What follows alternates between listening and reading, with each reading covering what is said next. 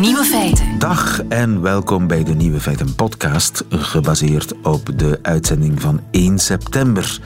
In het nieuws vandaag dat nu ook Italianen een mobile home willen. Door corona. Vroeger vonden ze zichzelf daar veel te stijlvol voor. Voor zoiets nuffigs, lelijks en traags. Zoiets Noord-Europees.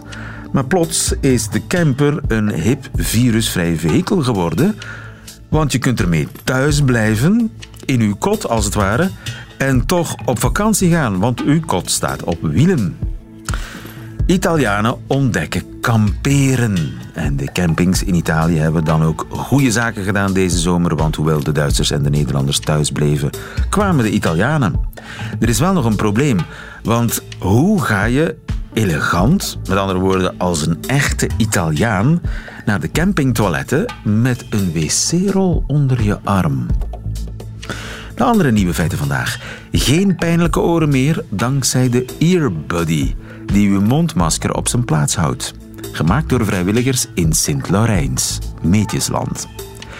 Er zitten veel minder spinnen in onze tuin dan vroeger en dat komt waarschijnlijk door de warme zomers. En de oude Grieken hadden al een woord voor de lusteloosheid die wij in deze coronatijden allemaal voelen. Dat heet namelijk acedia. En de nieuwe feiten van Nico Dijkshoorn hoort u in zijn middagjournaal. V. Radio 1.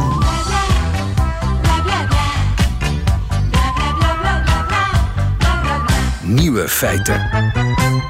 Snijden die mondmaskers ook zo in uw oren? Het eerste half uur gaat het bij mij, maar daarna krijg ik pijn aan de achterkant, aan mijn oorschelpen. Nu, in Sint-Laurijns, in het wondermooie Meetjesland, hebben ze daar iets op gevonden. Goedemiddag, Bram Andelhofs. Hey, dag lieve, goedemiddag. Bram, wat ben je aan het doen? Wel, ik ben volop aan het printen, eh, lieve. Ik ben volop earbuddies aan het eh, printen op dit moment. Earbuddies aan het printen. Wat zijn earbuddies? Wel, earbuddies zijn eigenlijk een eh, plastic hulpstukje dat wij ehm, maken door middel van een 3D-printer. Dus een printer die eigenlijk een vorm van plastic print. Ehm, en die hulpstukjes die kunnen dan gebruikt worden om je mondmasker eigenlijk ehm, op een andere manier aan elkaar te verbinden, waardoor dat de rijkertjes niet achter de oren hoeven te zitten, maar eh, op het achterhoofd kunnen, eh, kunnen steunen. Ja, het is een soort plastic ding met haakjes. En ik Ja, heb er eentje liggen. Mhm. Decheck.be staat erop. Check als, als in het Engels voor Kate. De check, dat zijn jullie. Klopt, inderdaad. Het is, een beetje een, eh, het is, het is eigenlijk een naam voor een, soort werkplaats. Hè. Een, een plaats waar dat je kan komen eh, dingen creëren. Komt eigenlijk ook een beetje uit het cent amateurisme, die naam. Eh, ook iets waar we, waar we af en toe mee bezig zijn. Maar het komt erop neer dat wij een, een werkplaats zijn waar dat mensen inderdaad hun creativiteit kunnen, kunnen de vrije loop Er laten. staat ook cente bij. Wat is cente met een S? Centen is de, eh laat ons zeggen, de, ehm, de naam van Sint-Laurijns hier. Eh, iedereen noemt Centen hier. Ik ben van eh, Centen. genoemd Sint-Laurijns. Ik ben van Centen. Inderdaad, klopt. Sainte Laurens. Oké, dus ik hou dat ding. Het is een beetje moeilijk, want ik heb nu een koptelefoon op. En ik hoop, eh Gilles, dat jij mij een beetje kunt assisteren van onze redactie. want dat moet dus aan die haakjes. En dat moet eh, over mijn hoofd. Hoe ga ik dat doen? Help. Ja, dus als het fluit... Ik hoop dat het niet gaat fluiten. Oké. Het lukt. Horen jullie mij nog? Want ik, ik praat nu door mijn mondmasker heen. Ja hoor. Eh, ah, zeg, eh, waar moet dat ding op mijn achterhoofd? Moet dat laag of hoog? Best hoog. Eh, Hoog. Het, het draagt het makkelijkste als je het heel hoog eh, achter op je hoofd. eh, ja. Het heeft de neiging om een beetje naar beneden te zakken achteraan. Dat klopt, maar vandaar dat er haakjes aan zijn, een soort van eh visgraatmotief eigenlijk, ehm, waardoor dat je de ehm rekkertjes iets harder of iets minder hard kan, kan aanspannen. En normaal zou dat moeten... Zodanig Voldoende har- zijn om strak moeten spannen dat, dat, het, dat het niet naar beneden zakt. Nu, het, dat het net niet naar beneden zakt, Ja. maar toch comfortabel is, ja. Ja, ja, ja. Nu, het zit wel comfortabeler omdat het niet knelt achter mijn oren. Hè? Het is een soort dubbelanker dat op mijn achterhoofd zit, dat in, Mhm. in de plaats van mijn oren de druk opvangt. Ja, dat klopt ik inderdaad. Ik ga overigens afzetten, want ik, ik, ik, klink toch... Dit, amai, dat is wel een groot verschil, hè? oh jee. het, het, uh, het leek, het, ik, ik heb een dik mondmasker, kennelijk. Nu, um, ja. hoe kwam jij op het idee om dat te maken? Wel, ja, ik denk natuurlijk, hè, het is een open deur intrappen als we zeggen de coronacrisis uiteraard. En van zodra dat wij merkten dat uh, mondmaskers een ding begonnen te worden, dat uh, ging deel uitmaken van ons dagelijkse leven, zijn wij beginnen praten met mensen die um, dagdagelijks eigenlijk al heel hun leven, uh, dus zeker in de medische sector, die mondmaskers dragen en daar een beetje gaan luisteren naar wat dat de problemen waren. Um, zij hebben aangegeven dat een van de grootste problemen effectief was dat uh, het achter het oren dragen van die rekkers, dat dat heel pijnlijk kan zijn als je dat een hele dag moet doen. En dan zijn wij op zoek gegaan en zijn wij uitgekomen op, uh, op internet bij verschillende ontwerpen van mensen die al, al een, laten we zeggen, een aansteek gegeven hadden. Want dit ding dat wij nu uh, produceren bestaat al veel langer dan dat het woord corona bij de mensen bekend is. En uiteindelijk uh, hebben we dan dat ontwerp een beetje aangepast uh, naar de noden, zorgen dat het wat comfortabeler was, dat het wat steviger was um, en dat het ja, snel en gemakkelijk te printen was, want ook dat is belangrijk natuurlijk. En dan um, hebben wij ons, uh, ons ja, eigen ontwerp um, daarvan gemaakt en zijn we dat beginnen in grote getalen te produceren. In grote getalen? Hoeveel hebben jullie er al verkocht? Wel, uh, op dit moment staat de teller op een kleine 8000 Ach, stuks dat we 8000? ondertussen al gemaakt hebben. Dat is gigantisch. Ja, absoluut. voor, want jullie zijn een kleinschalige vrijwilligersorganisatie klopt, inderdaad. Maar we hebben het geluk gehad dat, uh, dat we toch een aantal grote partijen hebben die ons gecontacteerd hebben, uh, die, die zeer blij waren met ons, uh, met ons initiatief. En dat gaat dan van, van huisartsen en de huisartsenwachtpost in Eeklo, een stad hier vlakbij, tot, ehm, tot ja, hele grote bedrijven waar, waar honderden mensen werken, die dan ja, telkens een bestelling deden van honderden tot duizenden stuks. Dan kan het natuurlijk heel vlot gaan, rekening houdende dat we er maar 300 per dag of 400 per dag kunnen produceren. Ja, want hoeveel 3D-printers heb je staan werken? Wel, op dit moment hebben we er vier. Um, vier? Zelf staan nu. We hebben in het begin, zeker in het begin, als de vraag gigantisch hoog was, hebben we dan mensen ingeschakeld van eigenlijk over heel het land. Hè. Dus we hebben mensen uh, gevraagd die ons wouden helpen, die ons vrijwillig, want het wordt allemaal vrijwillig gedaan. Er is niemand die daar 1 euro aan verdient. Uh, ook wij niet, uiteraard. Dus um, die zich vrijwillig hebben ingezet om, uh, om die dingen mee voor ons te printen. Op een gegeven moment hebben we dan met 12 uh, printers in totaal uh, 24 uur, 7 dagen op 7 voor vier weken geprint. Ja.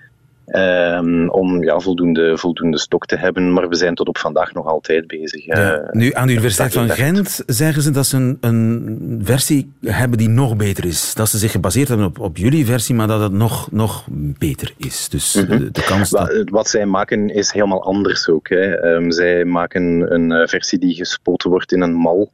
Wat natuurlijk het principe is al helemaal anders dan wat dat wij doen. Bij ons wordt het, uh, wordt het 3D-print, dus is ander materiaal. Uh, of andere samenstelling en gebruik van het materiaal.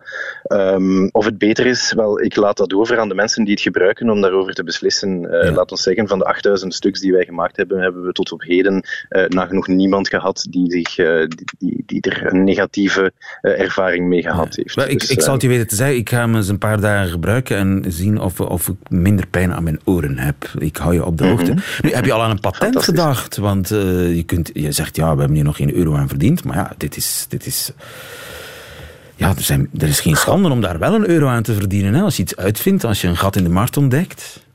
Wel, maar wij zijn niet de uitvinder en dat wil ik toch wel even uh, zeer duidelijk maken. Wij hebben dit niet uitgevonden. Wij hebben het niet, niet het warm water uitgevonden door te zeggen wij gaan nu een keer een earbuddy maken. Ik zeg, dit bestaat al veel langer als dat er nog maar sprake was van een coronacrisis. Um, wij hebben enkel en alleen maar de, gezocht uh, naar, naar verschillende mogelijkheden, naar verschillende ontwerpen en daar het beste uitgekozen. En dat dan aangepast naar, uh, naar de noden van de mensen die wij gecontacteerd hebben, om ons daarop te baseren. Dat, dat was voor ons belangrijk. Dus wij zijn zeker geen uitvinder. Ehm, wij, wij hebben ook niet de ambitie om daar, om daar geld mee te verdienen. Het is voor ons belangrijk dat wij op die manier onze, onze vrijwilligers van onze vereniging um, eigenlijk kunnen helpen. Want met wat we nu doen en de paar euro's inkomsten die daaruit komen, gaan wij um, eigenlijk gewoon onze werking uitbreiden en onze vrijwilligers uh, ja. bedanken voor al de tijd en de moeite die ze er hebben ingestoken. Uh, makerslaboratorium De Shack in uh, Sint-Laurijns. Bram Andelhofs, dankjewel. Goedemiddag. Dank u. Nieuwe feiten. Lieven van den Houten. Blijkbaar hadden de oude Grieken al een woord voor hoe u zich nu voelt. Acedia. U heeft waarschijnlijk last van acedia. Goedemiddag, Matthias de Smet. Goedemiddag. U bent eh, professor klinische psychologie. Mag ik vragen, hoe voelt u zich? Ik veronderstel dat u bedoelt, hoe voel ik mij onder de corona omstandigheden. In uw bubbel, inderdaad, in deze coronatijd, met al die ja, sociale afstandsmaatregelen en hele en halve lockdowns? Ja, wel. Uh, uh, ik denk dat zoals bij de meeste ervaringen mijn reactie op de crisis eerder complex is. Hè. Dus aan de ene kant uh, heb ik door de crisis het gevoel gehad dat ik wel eventjes uit het drukke beroepsleven kon stappen. iets wat soms als de rat race aangeduid wordt. Dus in dat opzicht was het wel een moment van verpozing en bijna van bezinning, zou ik zeggen. Ehm, maar dat is alweer lang geleden, hè? Dat moment van bezinning. Maar inderdaad, en nu uh, na het verlof, laat ons zeggen, moeten we terug aan de slag, moeten we proberen terug in dat oude werkritme te geraken. En hebben we natuurlijk de ervaring dat uh, de zaken uh, terug worden zoals vroeger, maar met nog een aantal regels erbij. De zaken zijn misschien in een aantal opzichten nog wat lastiger geworden. Ja. En ja, dan word je natuurlijk wel overvallen door een, een, een soms een gevoel van wat ja, stress en overbelast zijn, zou je kunnen zeggen. Ja, en, en vooral uh, lethargie bijna, weinig goesting om nog veel te doen, weinig motivatie. Ja, ik heb dat. Ik, ik hoor, ik ben dus ook uh, psychotherapeut en ik hoor dat gevoel wel regelmatig vermelden in mijn praktijk. Zelf heb ik daar iets minder last van. Misschien omdat ik redelijk actief ben in deze crisis, uh, onder andere door regelmatig te schrijven, ook wel wat interviews en lezingen te geven en zo. Dus ik ben er echt bij betrokken. Ik ben niet direct in een passieve positie geduwd. Ja, u, u, niet natuurlijk omdat u heel veel werk heeft, maar er zijn heel veel mensen voor wie het... Uh, het algemene gevoel is dat van... Ja, weinig, weinig vuur, weinig energie. Ja, zeer zeker. Dat hoor ik dus zeer vaak vermelden in mijn klinische praktijk. Ja. Angst, onzekerheid komt daar ook nog bij. Absoluut. En dat eh, zijn gevolgen allemaal van de, de lockdown en de andere coronamaatregelen. Maar echt uh, een woord om precies dat gevoel te omschrijven. Ja, ik dacht aan confineerzeer, maar dat is misschien te ingewikkeld. het klinkt nogthans niet slecht, vind ik. Dat er zit wel een mooie ritmiek en een mooie klank. Confineerzeer. En is dat belangrijk dat we daar een, een, woord op plakken? Op dat specifieke gevoel dat samengaat met die die lockdown-maatregelen? Ja, dat denk ik absoluut. En dus een mens is eigenlijk. Uh, de, de, menselijke ervaring, de menselijke psychische ervaring is gevoelig voor spreken en voor woorden. En dat is eigenlijk het basisprincipe van uh, de werkzaamheid van psychotherapie.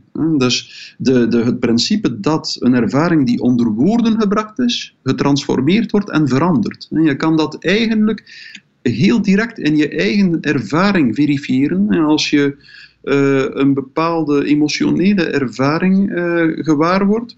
Uh, en je brengt die onder woorden, je spreekt die uit, dan zal je zien dat die ervaring niet exact hetzelfde meer is. En die ervaring is lichtjes veranderd. Alsof ze wat geërodeerd, misschien wat getransformeerd is door de act van het onder woorden brengen. Ja, dus we hebben dringend een woord nodig voor het soort van confineerzeer, de, de corona-blues die we nu allemaal voelen. En de oude Grieken hadden naar het schijnt een woord dat zou kunnen dienen. En dat woord is acedia. Goedemiddag, Patrick Lateur. Middag. U kent de oude Grieken door en door, want u heeft de Ilias en de Odyssee vertaald van Homeros. Ja.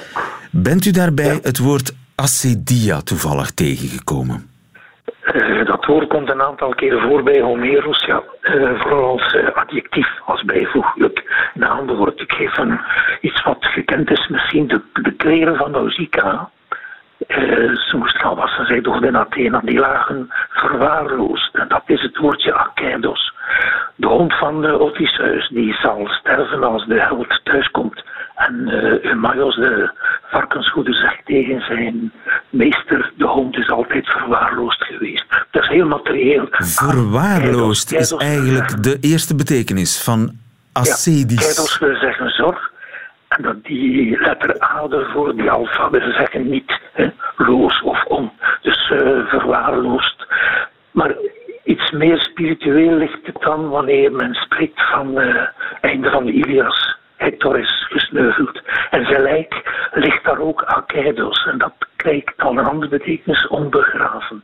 Niet begraven. Dat is voor een Griek heel erg een van de ergste ervaringen. En dan uh, helemaal, bijna geestelijk zou ik zeggen, is het waar uh, Achilles tot Priamos zegt, einde van de Ilias. De goden die leven zonder zorgen, in tegenstelling met de mensen die dus wel bezorgd zijn. Maar dus die dat is dan het, het woord bezorgd. Het is, oh, ja. er is ook een soort uh, ja, onzekerheid, angst, bezorgdheid zit daar ook in. Ja, maar bij, ik denk dat wij een sprong moeten maken van uh, pakweg 1100 jaar om tot uh, die Acadia te komen waar u het over wilt hebben. Ja. Dus bij Homeros bestaat het woord als een Griekse wortel. Maar die... ehm, De christenen hebben het overgenomen. Ja, we hebben het dan over uh, woestijnvaders. Die vreemde heren die in de vierde eeuw zich terugtrekken uit de steden en een ascetisch leven gaan leiden in de woestijn in Egypte. Ja. En daar uh, last hebben, zoals in de geschriften gelezen valt van, uh, wat je zou kunnen vertalen met lusteloosheid. En dat had met die tocht door de woestijn te maken. En dan komen we al dichter in de buurt van uh, lockdown, hè? Dat is een soort vrijwillige lockdown, ja. als het ware. Precies, ja. Dus ze hebben zichzelf ergens opgesloten. Er zijn ook wel gemeenschapsvormen, maar ze hebben zich een eigen lockdown opgelegd. Maar dat wil niet zeggen dat dat dus een, een, een en lustig leven was. Ja, dat is als Caesar gewend. Ze werken. Het is een vorm van een nieuw heroïsme, nieuw heldendom tegenover de martelaren van vroeger. Maar die eenzaamheid en de hitte van de woestijn, ook de hongersmiddags, want ze eten pas tegen de avond, maakt hen op veel momenten lusteloos. Ja. Bekend is het begrip bijvoorbeeld bij, bij een zekere Evagrios van Pontos, die spreekt van de middagduivel. Dus uh, het monotone werk en de, de hitte uh, maakt hen lusteloos, loom, een beetje inert. Ja. Ja, onverschillig zelfs op het gevaar af. Hè. Onverschillig en tegelijkertijd ook triest. Ja, ja. Uh, het is ja. ook, het, het, het, uh, wat nalaten ook dingen gaan uitstellen. Dus uh, Ja. lusteloosheid is eigenlijk de beste vertaling voor Acadia. Welke Dus vertaling? Lusteloosheid. Lusteloosheid. Ja. Zo van, ik, ik laat het gaan. Ik sta niet meer op scherp en ik wil mijzelf niet meer op scherp zetten. Het zal mij een zorg wel wezen. Zo'n beetje dan is cynisch of ironisch. Het zal mij een zorg wezen. Ja. Uh, het kan me niet schelen, het interesseert me niet meer. Ja, ja. Dat, dat, dat zit daar achter die uh, Het- het- fameuze middag. Een middagduivel, die ik, de- Le Démon de Midi, die ik ken als een soort eh, eh, midlife crisis. Daar wordt het, en daar Ja, ja, wordt- ja. Maar dat is ook helemaal iets, eh, iets anders. Ik ga even terug naar eh, eh, Matthias de Smet, eh, onze psychotherapeut. Eh, is acedia bij deze goedgekeurd als eh, woord? Ja, ik vind het wel. Ik vind dat het wel een iets aantrekkelijks heeft, ook omdat het uit de klassieke oudheid stamt. Eh, eigenlijk en dat, dat, dat de, de dramatiek van de, van de mens eh, rond de kampvuren van de oertijd, laat ons zeggen, en dat is dan nog iets vroeger dan de klassieke oudheid, maar eh, die was dezelfde als de dramatiek van de, ene, van de mens in de 21ste eeuw. Eh, dat is een zeer opmerkelijk iets. De dramatiek van de mensen is tijdloos. De structuur van de, van de menselijke ervaring is dezelfde. En in dat opzicht denk ik dat dat woord inderdaad, doordat het eh, uit de klassieke oudheid stamt, Ja. eh, ons tijd iets, iets vat van onze huidige ervaring en ons ook toont dat we een mens zijn in een traditie, in een, in een, eh, in een Met een geschiedenis, ja, die, die ons verbindt ook met de mensen van alle tijden. Inderdaad, denk- met de woestijnvaders zelfs. Acedia moeten we zeggen, hè? Meneer Lateur, acedia, niet acedia, zoals ik eerst zei. Ja, acedia. Ja. Acedia. Acadia op zijn Latijn. In het Latijn bestaat het woordje ook, hè. Acadia. Ja. Acedia bij deze goedgekeurd als eh, alternatief voor confineerzeer en coronablues. Dankjewel Patrick Lateur, dankjewel ook Matthias de Smet. Goedemiddag. Nieuwe feiten. 1 september vandaag en daar komen de spinnen. Spinnen in de tuin, spinnen in huis. Vanmorgen zat er zelfs eentje in mijn douche. Ik heb hem of haar voorgesteld om samen te douchen, maar uh, dat zag ze niet zitten. September is de spinnenmaand, zo blijkt maar weer, maar schijn bedriegt een beetje. Want strikt genomen is niet zozeer september, maar mei de eigenlijke spinnenmaand. Rudy Jockey, goedemiddag. Goedemiddag, lieven. Spinnenexpert van het Afrika Museum. Zijn er niet plots nu veel meer spinnen dan pakweg in de lente? Wel, wat u daarnet zei, klopt wel een beetje. Er zijn meer soorten actief in de lente, maar de grootste soorten die zijn nu, uh, die lopen nu rond. Uh, de, de huispinnen in de eerste plaats en de kruispinnen, dat is nu een activiteitsperiode. Ja, ze zijn actiever dan uh, op andere tijdstippen. Maar het is niet omdat ze actiever zijn dat ze talrijker zijn. Anders zien we ze niet en nu zien we ze wel. Ja, dat klopt zeker voor de huispin. Die zit altijd verborgen achter een grote kast, achter de isolatie.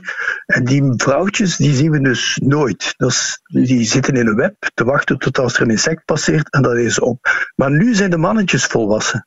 Dat begint eind augustus en dat loopt tot in oktober. En dan zijn ze op zoek naar een vrouwtje. Aha. En, uh, en dus de spin die ik vanmorgen in mijn douche zag, die, dat was een mannetje? Dat was een hij, ja. Uh, en uh, die is daar dus in beland, omdat dat een webspin is. En de poten van die spinnen zijn niet voorzien van haarbosjes, zoals bij jachtspinnen. Die haarbosjes die werken met van der Waalse krachten. Dat zijn dus krachten die een beetje werken als een zuignap. Dus niet, het is een, een beetje een ander fysisch systeem. Maar daarmee kunnen ze op zeer gladde wanden lopen. Die webspinnen kunnen dat niet. Aha. En van als die in een, in een bad vallen of in een douche, dan blijven die daarin, die kunnen daar niet meer uit. Ah, vandaar. dus ik denk altijd, ze hebben een voorkeur voor mijn wastafel en mijn badkuip. Maar eigenlijk is dat helemaal niet het geval. Ze kunnen daar gewoon niet meer uit. Ze kunnen niet klimmen. Nee. Aha. Nee, dat klopt. En mensen denken ze komen via de riolering. Dat is dus helemaal niet het geval. Maar in een bad, dat is echt een, uh, een bodemval waar ze niet meer uh, uit geraken. Nu kan je je afvragen, waarom lopen die mannetjes eigenlijk rond? Als ze, ze worden volwassen op een plaats waar al vrouwtjes aanwezig zijn. Maar daar mogen ze echt niet blijven. Hè. Ze, mogen, ze moeten weg van hun familie, want inteelt is een ramp niet alleen voor spinnen natuurlijk, maar in de dierenwereld moet inteelt ten alle prijzen vermeden worden. En ze lopen dus rond op zoek naar een vrouwtje ergens elders in uw huis, dat uh, waarschijnlijk toch wel voorzien is van een aantal uh, uh, verborgen huisspinnen. Ja, dus nu, die spin zit... Is, ja? we hebben nooit klachten van MeToo uit de spinnenwereld, omdat het zijn echt wel de vrouwtjes die beslissen of ze met een een mannetje een relatie aangaan. En dat heeft waarschijnlijk ook te maken met die. Ze, we weten nu dat ze kunnen nagaan of zo'n mannetje uh, sterk verwant is. En dan moet ze dus ten alle prijzen vermijden. En als zo'n mannetje toch blijft aandringen, dan eet ze hem gewoon op. Zo simpel is dat. Oké. Als het nee is, is het nee. Ja, ja. En als hij toch blijft aandringen, dan gaat hij eraan. Ja. Het risico van het vak dan voor het mannetje? Ja, mannetjes bij de spinnen hebben altijd langere poten om even te tasten of ze wel bereid is. En als hij zo'n poot kwijtspeelt, is dat niet zo'n drama. Maar als hij het helemaal het loodje bijlegt, natuurlijk kan hij nakomelingschap wel vergeten. Ja, er gebeuren bloederige taferelen in uh, mijn huis deze dagen. Ja, in de spinnenwereld is dat schering en inslag, inderdaad. Ja. En dat is dan binnenskamers, dat is in huis, maar ook eh, de tuinen zitten vol spinnen, hè? Ja, de grootste spinnen zijn nu ook weer actief. Nu zijn de mannetjes en de vrouwtjes van de kruispin bijvoorbeeld, die zijn nu volwassen. In de lente zijn er veel meer soorten volwassen, maar die zijn allemaal kleiner en die vallen dus veel minder op. Al die krabspinnen, jachtspinnen, uh, wolfspinnen, die zijn meestal allemaal actief en volwassen in de lente. Maar die vallen veel minder op dan de kruispin die midden in haar web in een tuin zit. En die dus, waar je dus niet naast kan kijken. Ja. En het is zeer uitzonderlijk dat een spin opvallend in haar web zit. Meestal doen ze dat alleen maar s'nachts. Ze construeren een web vlak naar zonsondergang. Ze blijven er heel de nacht in zitten. En van zodra het klaar wordt, steken ze zich weer, verbergen ze zich weer achter een dakrand of onder een dakgoot. zo van die dingen. Ja, en is het daar ook koekenbakmaand in september? Moeten daar ook de pasvolwassen geworden mannetjes op zoek naar een vrouwtje? Ja, ja, ja. ja, ja. het is wel zo dat de kruispin enorm sterk is achteruit gegaan. We zien er veel minder dan in de vorige jaren en we vermoeden dat, dat ofwel is het te maken met het instorten van de insectenpopulaties, maar het zou ook kunnen te maken hebben met de, de droogte. Want die mannetjes vinden vrouwtjes door middel van pheromonen die door het vrouwtje worden geproduceerd. Ja. En die pheromonen werken eigenlijk maar goed in vochtige omgeving omdat die zich hechten aan aerosolen. We kennen dat nu dankzij de COVID-epidemie, wordt er veel over aerosolen uh, gesproken. Maar die pheromonen hechten zich aan minuscule waterdruppeltjes en vliegen rond en bereiken die mannetjes. Als het heel droog is, dan werkt dat niet. Oei. En we vermoeden dus dat de laatste septembers, uh, wanneer de, de kruispin volwassen is, dat het dan veel te droog was om efficiënt die die, die manier van werken uh, van elkaar terug te vinden, uh, te laten werken. Ja, en, en dus vinden mannetjes en vrouwtjes elkaar niet? Veel minder, veel, veel moeilijker. Ja, dat is speelt waarschijnlijk, maar dat moet nog bewezen worden. Ja, dus een, dat mogelijk een collateral damage van al die hittegolven. Exact, ja. Hoe groot is dat probleem nu eigenlijk? Zijn ze aan het uitsterven? Wel, er, zijn, ja, er is onderzoek gedaan in, uh, in Zwitserland, door onder andere in samenwerking met de Universiteit van Gent. En daar hebben ze een echt ineenstorting van die populaties gezien. Hè. Het ging over 90% minder waarnemingen dan tien jaar geleden. Dus dat is toch wel een, uh, een, een, een hecatombe, mag ik zeggen, van de spinnenpopulaties. Van de... En ook, ik stel ook vast dat er veel minder kruispinnen te zien zijn dan in de voorbije jaren. Ja. Dus, dus, dus uh, een, een spinnenmaand in mineur eigenlijk begint uh, ja. vandaag. Behalve in huis. In huis zijn ze wel nog behoorlijk uh, actief en aanwezig. Ja, uh, we hopen het allerbeste voor de spinnen in deze voor hen zo belangrijke maand. Dankjewel, Rudy Joquet. Goedemiddag. Ja, inderdaad. Graag gedaan. Dat waren de nieuwe feiten van uh, vandaag. Hoe kijkt Nico Dijkshoorn naar de wereld? Dit is zijn middagjournaal. Nieuwe feiten. Middagjournaal. Beste luisteraars. De laatste tijd heb ik een wat ongewone en misschien zelfs wel alarmerende interesse ontwikkeld voor beren. Ik weet niet goed wanneer dat is ontstaan. Misschien door een flart van een documentaire of door een herbeleving van een film van Werner Herzog, waarin wij een psychiatrische patiënt contact zien proberen te maken met grizzlyberen. Dat lukt eerst wel en dan weer niet. De beren krijgen honger, kruipen in zijn tent en vreten hem op. Daar is een geluidsopname van. Iedereen wordt aangeraden om daar niet naar te gaan luisteren. Het doet er verder niet toe waar het vandaan komt, maar ik zit dus opeens halve dagen aan beren te denken. Ik denk bijvoorbeeld, is dat nou lastig? Met je poot een zalm uit het water slaan. Kan je een beer ook iets anders leren dan dansen? Bijvoorbeeld de krant lezen of eenvoudige kruiswoordraadsels laten oplossen. Ik herken dat wel, die vreemde, onverwachte, microscopische fascinatie van mij. Mijn vriendin Tanja zegt dat het geen kwaad kan. Ze heeft ervoor doorgeleerd. Ze heeft al heel wat preoccupaties van mij meegemaakt. Maandenlang heb ik geprobeerd zelf een horloge te maken. Dat is me niet gelukt in een schriftje voorspellen wanneer de overburen het licht uitdoen. Dat is me over een hele maand één keer gelukt. Nu, midden in de coronacrisis, zou je toch verwachten dat ik mij op belangrijkere zaken richt. Hoe lang moeten we nog afstand houden, bijvoorbeeld? Mijn kinderen, groeien die niet op in een andere wereld? Zullen zij ooit nog woedend worden? Omdat iemand die vlak naast ons zit in een bioscoop duidelijk hoorbaar aan zijn zak zit te krabben. Dat zijn allemaal wezenlijke vragen. Maar ik, Ik sta voor het raam en ik denk: wat zou ik nu doen als er een beer door de straat loopt? Zou ik naar hem zwaaien? En met welke hand? Gisteren stond er het overmaat van ramp een bericht in de krant: IJsbeer, dood Amsterdammer. Ik had toen moeten denken: wat vreselijk voor die familie. Maar ik dacht: hoe wist die ijsbeer dat het een Amsterdammer was?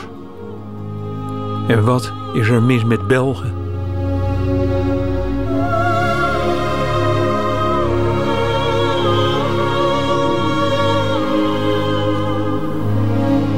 Zo zit het. Het middagjournaal met Nico Dijkshoorn. Einde van deze podcast. Hoort u liever de volledige uitzending van Nieuwe Feiten? Dat kan natuurlijk ook via de app van Radio 1 of via de site van Radio 1, waar u overigens nog veel meer fijne podcasts vindt van allerlei pluimage. Tot een volgende keer.